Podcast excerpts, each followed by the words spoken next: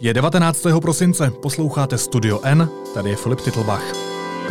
Dnes o ruské snaze relativizovat události roku 1968 a o tom, jestli v Praze 1 hrozí návrat mafiánských praktik. Všemu lidu Československé socialistické republiky. Včera, dne 20. srpna 1968, kolem 23. hodiny, překročila vojska Sovětského svazu, Polské lidové republiky, Německé demokratické republiky, Maďarské lidové republiky a Bulharské lidové republiky státní hranice Československé socialistické republiky. Ruská diplomacie se ohradila proti rozhodnutí českých zákonodárců zanést na seznam významných dnů Den památky obětí invaze v roce 1968. Cituji ruské ministerstvo zahraničí. Snaha Prahy znovu se vracet k událostem starým půlstoletí s cílem zapojit je do současného politického kontextu, neochota otočit tuto stránku dějin, která kalí o vzduší rusko-českých vztahů, sotva napomůže úspěšnému průběhu dvoustranné spolupráce. Předsednictvo ústředního výboru komunistické strany Československa vyzývá všechny občany naší republiky, aby zachovali klid a nekladli postupujícím vojskům odpor. Co to znamená a jak na to reaguje česká strana, vysvětlí náš editor domácí rubriky Michal Švec. Michale, vítej, ahoj. Ahoj Filipe. To, co jsem teď četl, to, co jsem teď citoval, chápu to správně, že nám tedy Rusko chce upírat právo připomínat si oběti srpna 68? Možnost, eh, že by Rusko nebo jakýkoliv jiný stát rozhodovalo o tom, jaké svátky a jaké oběti my si jako Česká republika budeme připomínat, je samozřejmě naprosto absurdní. Hmm. Ale v tomto případě si myslím, že nejde tak úplně o ty desítky obětí, které eh, při invazi a v následných dnech zahynuly, ale spíše o současný mezinárodně politický kontext a o to, eh, jak se z pohledu Ruska zachází s dějinami na české straně. Já jsem přesvědčený o tom, že Rusko tímto, řekl bych, bezprecedentním zásahem do českých věcí dává najevo nelibost s tím, jak, eh, dejme tomu, na komunální úrovni eh, Česko zachází s památníky, hmm. které jsou, eh, řekněme, pro Rusko nedotknutelné. Mluvím konkrétně o pomníku maršála Koněva na Praze 6 a jeho možném odstranění, což oficiální Moskva nese velmi nelibě. Pak tady taky máme Řeporie. A pak tady máme Řeporie, a což je možná ještě bolestivější z ruského pohledu, a jde o památník příslušníkům ruské osvobozenecké armády, kteří se podíleli v květnových dnech na osvobození Prahy, ale zároveň uh, z ruského pohledu jsou to nepřátelé státu, řekněme zrádci, kteří bojovali na straně hitlerovského Německa. Takže z toho, co říkáš, tak vyplývá, že Rusům nemusí vadit eh, to, jakým způsobem třeba popisujeme ty dějinné události z roku 1968, ale něco jiného. Eh, jsem o tom přesvědčen. Ostatně Rusko opakovaně uznalo, že to, co se stalo v srpnu 1968, byl akt agrese, hmm. byla to invaze nepřátelských vojsk vůči Československu. Je to dokonce zanesené i ve vzájemných mezinárodních nebo bilaterálních dohodách, eh, kde se snad eh, konkrétně říká, že šlo o nepřijatelné použití síly proti Československu. To zopakoval i prezident Jelcin na návštěvě Československa a morální vinu nebo odpovědnost za invazi v roce 68 přijal v roce 2006 i prezident Putin. Takže tady by problém nebyl.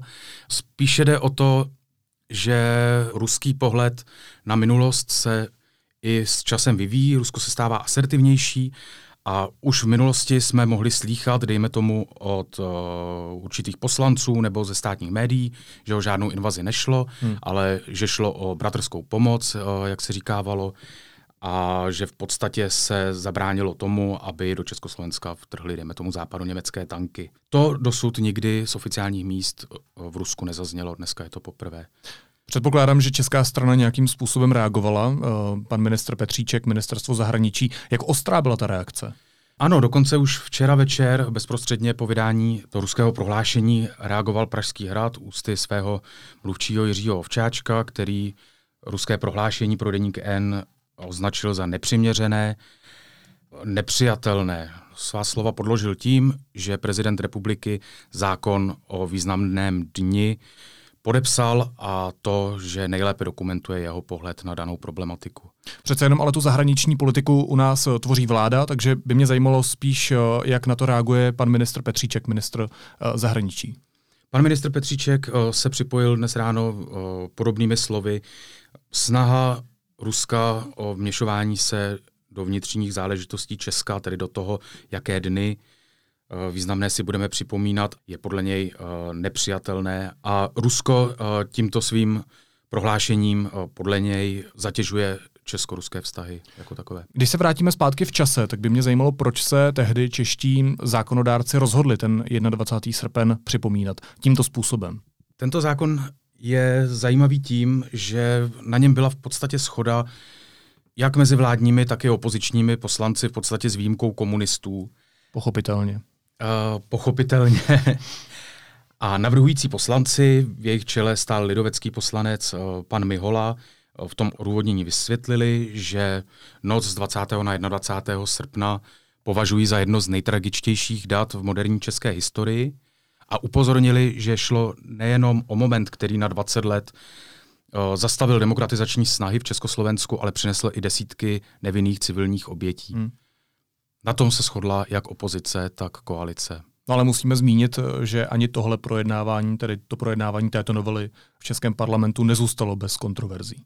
Rozruch vzbudilo vyjádření poslance Stanislava Grospiče, který eh, prohlásil, že invaze a následné události nebyly okupací a ti lidé, kteří tehdy zahynuli, většinou představovali oběti dopravních nehod. Za což se pak omluvil za tenhle Za což se omluvil s tím, že nechtěl uh, jakékoliv ztráty na životech uh, znevážit. Hmm. Zajímavé je, že uh, ještě předtím, než se omluvil, tak ho komunistická strana v tomto vyjádření v podstatě podpořila. Okolnosti nejnovějšího diplomatického sporu mezi Ruskem a Českou republikou vysvětlil editor domácí rubriky Michal Švec. Michal, díky moc. Díky za pozvání. Ahoj Filipe. Teď jsou na řadě zprávy, které by vás dneska neměly minout.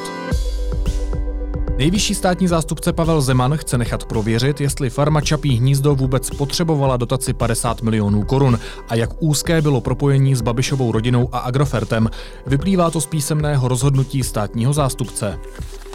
Základní rodičovský příspěvek vzroste od ledna o 80 tisíc na 300 tisíc korun. V případě vícerčat se rodičovská zvýší ze současných 330 tisíc na 450 tisíc korun. Novelu, která to předpokládá, dnes podepsal prezident Miloš Zeman. A ten také dnes oficiálně navrhl Pavla Šámala na pozici ústavního soudce. Jeho nominaci musí schválit Senát. Ústavnímu soudu do plného počtu chybí zaplnit poslední místo. Miloš Zeman během svého mandátu už dalšího soudce vybírat nebude. Sněmovna reprezentantů obžalovala prezidenta Donalda Trumpa z porušení americké ústavy. Poslanci jeho impeachment odhlasovali většinou demokratických hlasů. Trump je z celkem 45 prezidentů třetím v historii Spojených států, který čelí sesazení. A Čína s Ruskem navrhli v Radě bezpečnosti OSN zmírnit sankce proti Severní Koreji. Do Pekingu dnes míří americký šéf vyjednavač pro KLDR. A teď další téma. V Praze 1 se rozpadá koalice. Uskupení My, co tady žijeme, vypovědělo koaliční smlouvu a strany mají tak měsíc na to, aby se krize vyřešila. Lokální zpráva ale začíná mít zajímavé obrysy. Rozpad koalice přišli na jednání zastupitelstva podpořit vyhazovači a primátor města mluví o hrozbě návratu mafiánských praktik. Situaci u nás sleduje Prokop Vodrážka. Vítej, ahoj. Ahoj Filipe. Prokope, tak asi na úvod je potřeba vysvětlit, co se v Praze 1 stalo. Hmm. Tak uh, po volbách v roce 2018 nastala na Praze jedna změna. Tam dlouhá léta vládl Oldřich Lomecký. On, on byl pro mnoho lidí ten, ten zlý člověk. Mm-hmm. Nastala tam ta změna. Objevila se koalice změny, byl tam Praha sobě, která přišla s Pavlem Čižinským, nastoupili tam Piráti, Zelení a právě to združení My, co tady žijeme. A od začátku se snažili nějakým způsobem profilovat proti tomu špatnému, co do té doby bylo. Ať to byl overturismus, ať to byl prostě noční hluk, a s, pivní vlastně kola. pivní kola, přesně tak. Vlastně mnohem levicověji smýšleli a snažili se tak trochu šlapat na ten biznis. To je tak jako pro lidi, nebo snažili se? Uh, tak se prezentují. Dobře, a nastala opravdu ta změna? To je těžko posoudit. Ono vždycky, ty strany tam jsou rok, nějaké první kroky udělali, snaží se prostě, myslím, postupnými kroky opravdu zlepšovat tu věc mm-hmm. a zlepšovat to je taky samozřejmě jako z jejich pohledu. Na druhou stranu je tam prostě kritika, ať už od těch koaličních partnerů nebo od někoho dalšího, na to, že ten úřad je podfinancovaný, že ne zcela dobře funguje a že vlastně že ten starosta Pavel Čižinský, což je bratr Honzy Čižinského, který je vlastně jako oblíbenec Prahy 7, je to takový ten jako lidový starosta, takže vlastně nezvá tu vlastně funkci. skoro nejoblíbenější starosta Prahy, dalo by se Eh, říct. Podle těch volebních hmm. výsledků, ano. Takže vlastně nemá asi ty schopnosti, jak bych to řekl, lidové možná a nemá tu schopnost nějaké té koaliční spolupráce a že je to s ním trochu složitější, hmm. což se projevuje prý na chodu úřadu. Každopádně to zmíněné združení My, co tady žijeme, se rozpadlo a uvedlo, že bude chtít nadále spolupracovat s TOP 09, což je třeba pro Prahu sobě nepřijatelné. A zajímalo by mě proč, protože pokud se nepletu, tak eh, například eh, na Velké Praze jsou spolu tyhle dvě strany v koalici dohromady. Je to tak, to, ono by to dávalo smysl. Ty strany jsou na Velké Praze ve, ve spojených sílách pro Prahu, je, vlastně tam relativně fungují, ačkoliv tam jsou nějaké vnitřní rozepře. Ale ta situace Prahy 1 je prostě specifická a je to právě kvůli Oldřichu Lomeckému. Vlastně i samotná topka se vůči TOP 09 na Praze 1 dlouhodobě vymezovala. Třeba Jiří Pospíšil, což je předseda pražské topky, prostě ho kritizoval. On byl dlouhodobě spojován s hazardní lobby, byl spojován s levným prodáváním městského majetku. Mm-hmm. Městské byty se tam opravdu pak přeprodávaly za větší cenu, což, za čo, což on je trestně stíhán, ale také takové jako až bizarnější věci, které, na které se můžeme podívat. Řešil se úplný zákaz vjezdu kol do centra, nebo... Jo, on tenkrát kreslil ty čáry, že jo? Je to tak, kreslil se ty čáry prostě po celém, po celém městu, které ještě nejsou podle mě všude, všude smyty. Nebo když obvinil teď již radního vlastně svého politického konkurenta Davida Bodečka, obvinil z toho, že je součástí zločinného gay spiknutí. A člověk si tak říká, že vlastně ten člověk opravdu představoval něco, s čím se ta Praha sobě nemůže spojit. Jenže oni říkají, že se strana očistila, Lomecký po volbách ne, ve volbách neuspěl, odstoupil a ta strana říká, že se pročistila. Jenomže je otázka, jestli vlastně jako je to skutečně pravda nebo ne. Protože, hmm. jak jsem zmiňoval, ty, ty strany, které s nimi nechtějí spolupracovat, tvrdí, že prostě pořád ta strana, stejně jako ODS, která by se také mohla vrátit k moci, symbolizuje nějaké mafiánské praktiky a staré pořádky. Co si pod tím představit? Co jsou mafiánské praktiky na Praze 1? Vlastně to je těžko popsat. Oni to spojují s tím, že zde máme přesně hazardní lobby, nějaký ten biznis, ale takový příklad byl přímo na tom zastupitelstvu. To bylo den poté, po tom vypovězení koaliční smlouvy a objevilo se tam, já jsem tam přišel, objevilo se tam 50 velkých plešatých mužů, což prostě uh, překvapí každého. Já občas chodím na nějaká zastupitelstva a nikdy jsem nic takového neviděl. Samozřejmě oni mají stejné právo, jako můžou chodit eh, zelení aktivisté, prostě jako hmm tam se můžou združovat, jak chtějí. Ale je to ukázka nějakých, jsou to ostrý, ostrý hoši, tak jsem pak se ptal, jako kdo to teda je. Vypad, to je? Vypadlo z toho, že to jsou že to byli zástupci uh, asociace POHO, což je, já jsem se to nenapsal, Aha. asociace zaměstnanců a provozovatelů pohostinství, což je někdy v létě založená uh, takové uskupení, které združuje podnikatele na Praze 1, kteří chtějí, aby tam dobře fungoval biznis, aby jim radnice nešlapala na paty a celé to prezentují na ukázce toho, že radnice chce, aby v 10 všechny zahrádky, které ve městě jsou, aby v 10 skončily. Aby, aby nemohli prostě poté lidi, lidi do půlnoci, do druhé sedět a popíjet venku. Mm-hmm. A to je pro ně prostě zásadní biznisový problém. A oni prostě říkají, my tady nechceme tuhle koalici, my jsme přišli podpořit rozpad té koalice a my chceme, aby se tam vrátila ODS, aby tam byla topka, aby vlastně nám pomáhali v tom biznisu. A teď je vlastně otázka, jestli tohleto jako je nějaký občanský aktivismus, mm nebo jestli tohle to prostě opravdu je nějaký návrat mafiánských praktik, jestli tohle je prostě ne, ne, jako nemístný tlak, ti lidé tam nakonec nic zásadního neudělali, oni zatleskali jednou, ale jako já jsem, viděl jsem tam šéfa městské policie na Praze 1, prostě myslím, že tam ta nervozita z toho celého byla. Je a byla. Nevím, jestli je to správné. Možná ještě zásadní poslední otázka, spíš jako hypotetická. Zajímalo by mě, jestli se ta koalice rozpadne. Eh, no tak myslím, že ta koalice, která je v současném stavu, se prostě rozpadne tak jako tak, protože ať už to chtějí nebo ne, tak součástí toho vyjednávání prostě bude ta TOP 09, která je takovým nějakým tím jazyčkem na vahách. A ukáže se prostě, jestli je možné, jestli to překousnou nějaké ty strany, jestli si to dovedou představit, tu další spolupráci, nebo ne.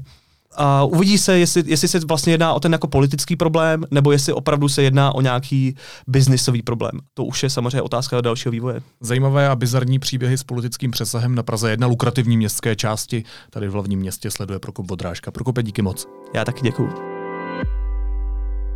A na závěr ještě jízlivá poznámka. Jak už jste slyšeli ve zprávách, sněmovna reprezentantů obžalovala prezidenta Donalda Trumpa z porušení americké ústavy.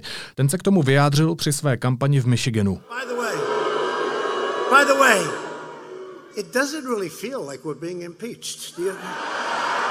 Poslouchejte pozorně. Donald Trump o sobě mluví v množném čísle a my moc dobře víme, od koho to má. Je to další vítězství Institutu Václava Klauze. Naslyšenou zítra.